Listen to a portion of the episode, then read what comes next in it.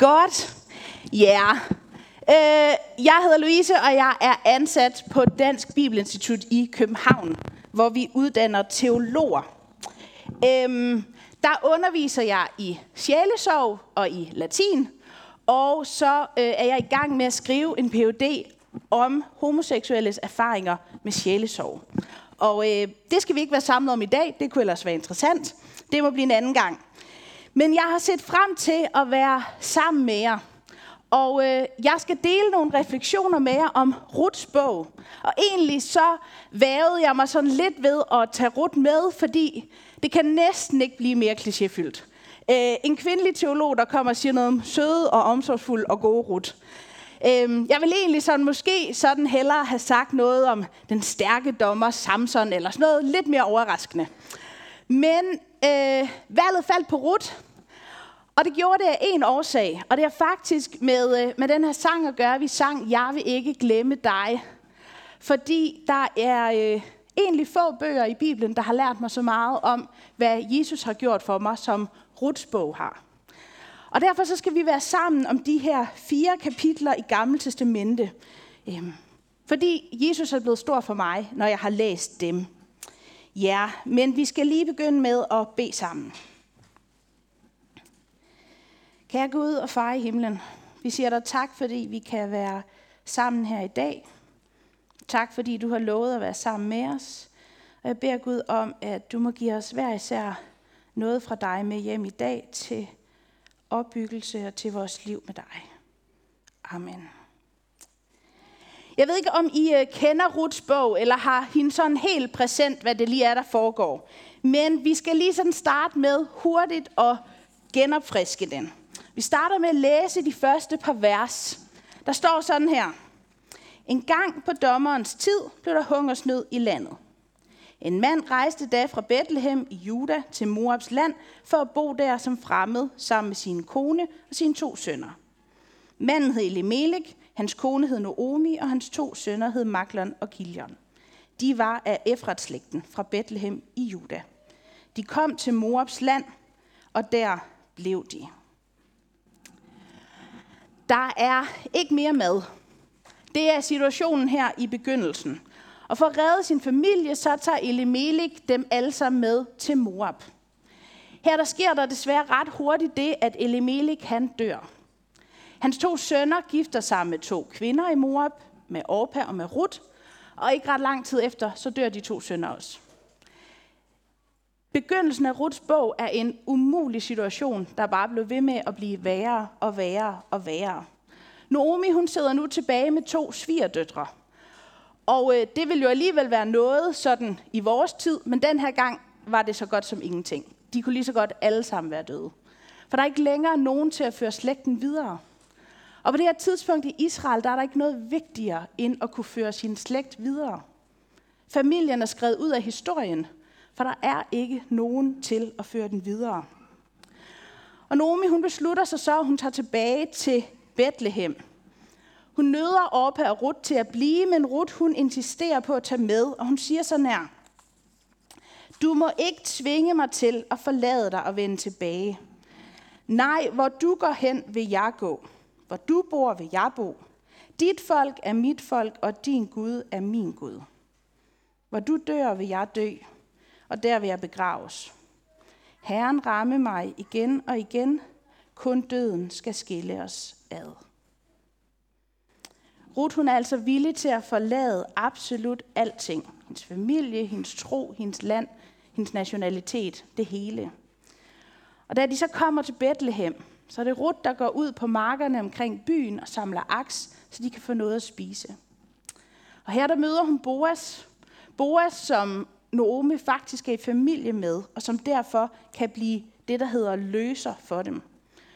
Og som løser, så er det hans pligt at gifte sig med Rut, og det første barn, de får sammen, skal tilhøre Ruts afdøde mands slægt. Og på den måde får Noomis slægt øh, alligevel en mulighed for at blive ført videre. De bliver genindskrevet i historien. Og noget af det sidste, vi så læser i Ruths bog, det er, at Boas indgik ægteskab med Ruth. Han gik ind til hende, og Herren lod hende blive gravid, og hun fødte en søn. Da sagde kvinderne til Nomi, Lovet være Herren, som ikke lader dig stå uden løser i dag. Han skal blive navnkundig i Israel. Han skal holde dig i live og forsørge dig i din alderdom. Din svigerdatter, som har vist dig kærlighed, har født ham. Hun betyder mere for dig end syv sønner. Så tog Naomi drengen i sin favn, og hun blev hans plejemor. Nabokonerne gav ham navn og sagde, Naomi har fået en søn. De gav ham navnet Obed, og han blev far til Davids far Isai. Ja, der kunne siges rigtig meget om Rut. Der kunne siges rigtig meget godt om Rut som forbillede for os. For det er den umiddelbare fortælling her. En kvinde, som kan inspirere os og udfordre os. Og jeg har egentlig lyst til at opfordre jer til at tage hjem og læse de fire kapitler og lade jer inspirere og udfordre af Ruth. Men læser man så en beretning lidt grundigere, så er det her egentlig ikke en beretning om Ruth. I hvert fald ikke kun om Ruth. Det er faktisk ikke en beretning om, at Ruth hun er god og trofast og kærlig. Det er en beretning om, at Gud han er god og trofast og kærlige. Og jo flere gange jeg har læst den her bog, jo mere er jeg blevet mindet om Guds frelsesplan igennem den. Og derfor så havde jeg lyst til at dele øh, to ting med jer i dag, som er blevet stort for mig. For det første det her med den her løser-tradition. Det at Boas han skal være løser.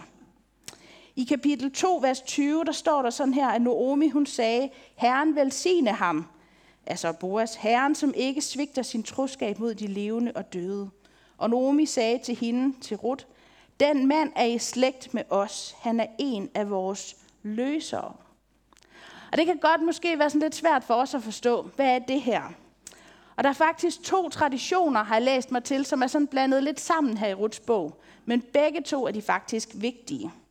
Det første, det er den her løser-tradition, og den anden, det er en svogers pligt i tilfælde af et dødsfald i familien. Essentielt så er løserens opgave, det er at drage omsorg for og beskytte. Vi læser om det i 3. Mosebog, at er et familiemedlem blevet tvunget til at sælge sig selv til slaveri, så er det løserens opgave at tilbagekøbe familiemedlemmet og beskytte. Og begrundelsen for det, det er, at Israel tilhører Gud. De her ord, der bliver brugt om løseren, bliver faktisk brugt om Gud selv, når han beskrives som den, der løser israelitterne fra deres fangenskab i Ægypten. I Isaias der beskrives Gud som den, der løskøber dig. Og israelitterne får at vide, at på samme måde som jeg har løskøbt jer, sådan skal I løskøbe jeres familiemedlemmer. Den anden tradition er så det her med svogerens pligt. Altså, at hvis en mand dør, så er det svogeren eller det tætteste familiemedlems pligt at gifte sig med enken og skænke den afdøde mands slægt øh, en arving. Sådan så slægten ikke bliver skrevet ud af historien.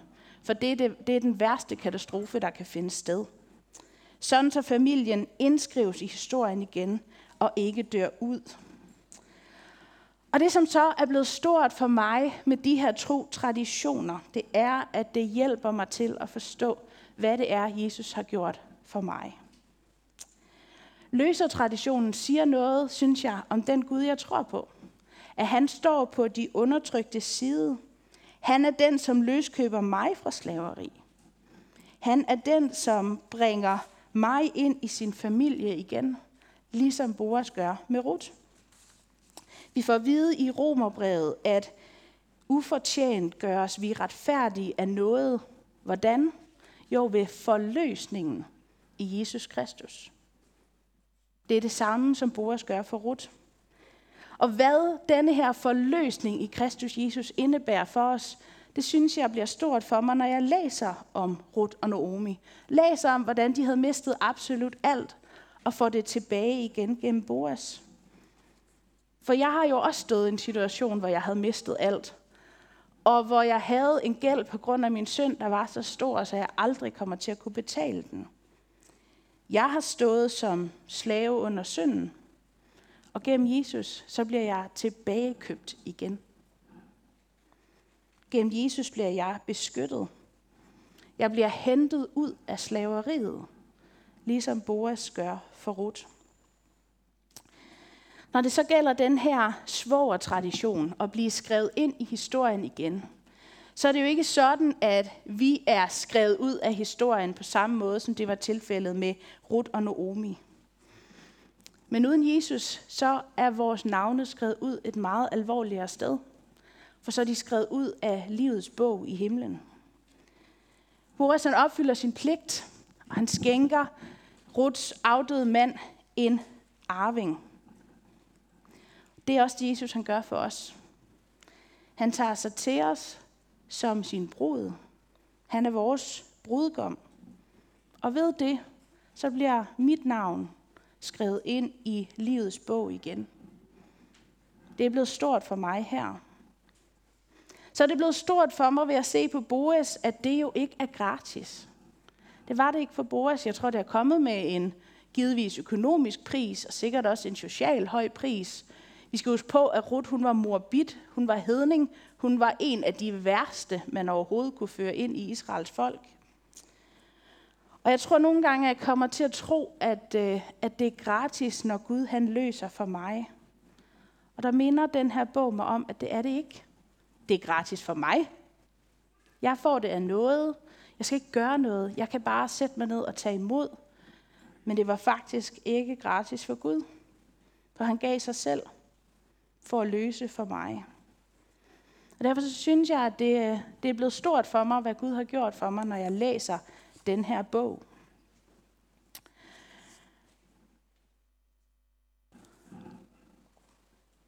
Øhm, så er beretningen om Ruth ikke kun en beretning om, hvad Jesus har gjort for os. Det er også en beretning om, at Gud han er herre over historien. Og det er det andet, som er blevet vigtigt for mig, da jeg læste den. Og vi skal her øh, som noget af det sidste læse de sidste vers fra Ruts bog. Der står sådan her. Dette er Peres' slægt. Peres fik sønnen Hesron, Hesron fik Ram, Ram fik Aminadab, Aminadab fik Nakshon, Nakshon fik Salma, Salma fik Boas, Boas fik Obed, Obed fik Isai, og Isai fik David. Hvis I fungerer lidt ligesom jeg gør, så er det her sådan et af de vers, man skimmer lidt. Det er en slægtstavle.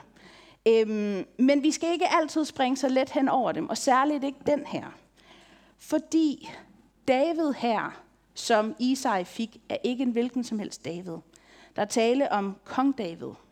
Der er tale om den David, som Jesus, Messias, Kristus, han skulle stamme fra. Der er en grund til, at Ruth hun skal med tilbage til Bethlehem. Det skal hun, fordi hun skal komme til at indgå i den her stamtavle, som er Jesus stamtavle. I begyndelsen af Ruths bog, der fik vi jo at vide, at Elimelik han er af Efrat-slægten i Bethlehem i Juda.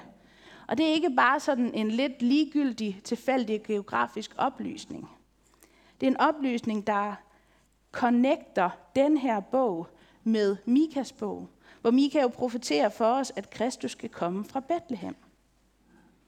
På den måde så er det her øh, en historie om, hvordan Gud han sådan hele tiden stille og roligt er i gang med at føre sin frelsesplan igennem. Efter syndefaldet, så øh, lover Gud ret hurtigt, at der skal komme en, der knuser slangens, altså djævelens hoved. Og Ruts bog foregår jo lang tid efter syndefaldet. Og alligevel så synes jeg, at den har mindet mig om, at Gud han glemmer ikke sit løfte. Han er hele tiden i gang med at føre det videre. Han er hele tiden i gang med at føre sin plan ud i livet. Den plan, den kendte Naomi og Ruth jo ikke noget til. Den plan informerer Gud dem ikke om. De vidste bare, at de var i en håbløs situation, som blev ved med at blive værre. De får lov til at opleve, at de bliver velsignet. Men det er sådan helt store billede, det får de ikke. Hvorfor de skal gennemgå så meget svært, det finder de aldrig ud af. Og hvis jeg sådan skal være helt ærlig, kan jeg også godt tænke, ah gud, kunne det ikke være løst på en nemmere måde, end at sende en familie til Moab, og halvdelen af dem, eller tre fjerdedel af dem dør, og så hive dem med tilbage igen. Det må kunne have været løst nemmere. Øhm, og vi får ikke svar på, hvorfor de skulle så meget igennem. Men det, som jeg ved, når jeg har læst Ruts bog, det som den forsikrer mig om, det er, at Gud han er i kontrol. Selv når det virker kaotisk, så har han styr på det. så er han i gang med at føre det videre frem. Også når mit liv ikke former sig sådan, som jeg godt kunne tænke mig det, så er han i kontrol. Så forsikrer fortællingen om Ruth mig om, at Gud han aldrig glemmer sit løfte. Han glemmer aldrig mig. Hverken når jeg sådan er højst oppe eller længst nede. Og derfor så er jeg så utrolig glad for de her fire små kapitler. Ja, vi skal bede sammen.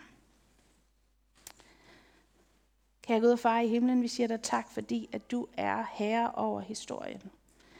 Tak fordi, at du har alle trådene i dine hænder, og du ved, hvordan de skal væves sammen. Tak også fordi, at du gav dig selv for os. Og tak fordi du på forskellige måder minder os om det igen og igen og igen. Amen.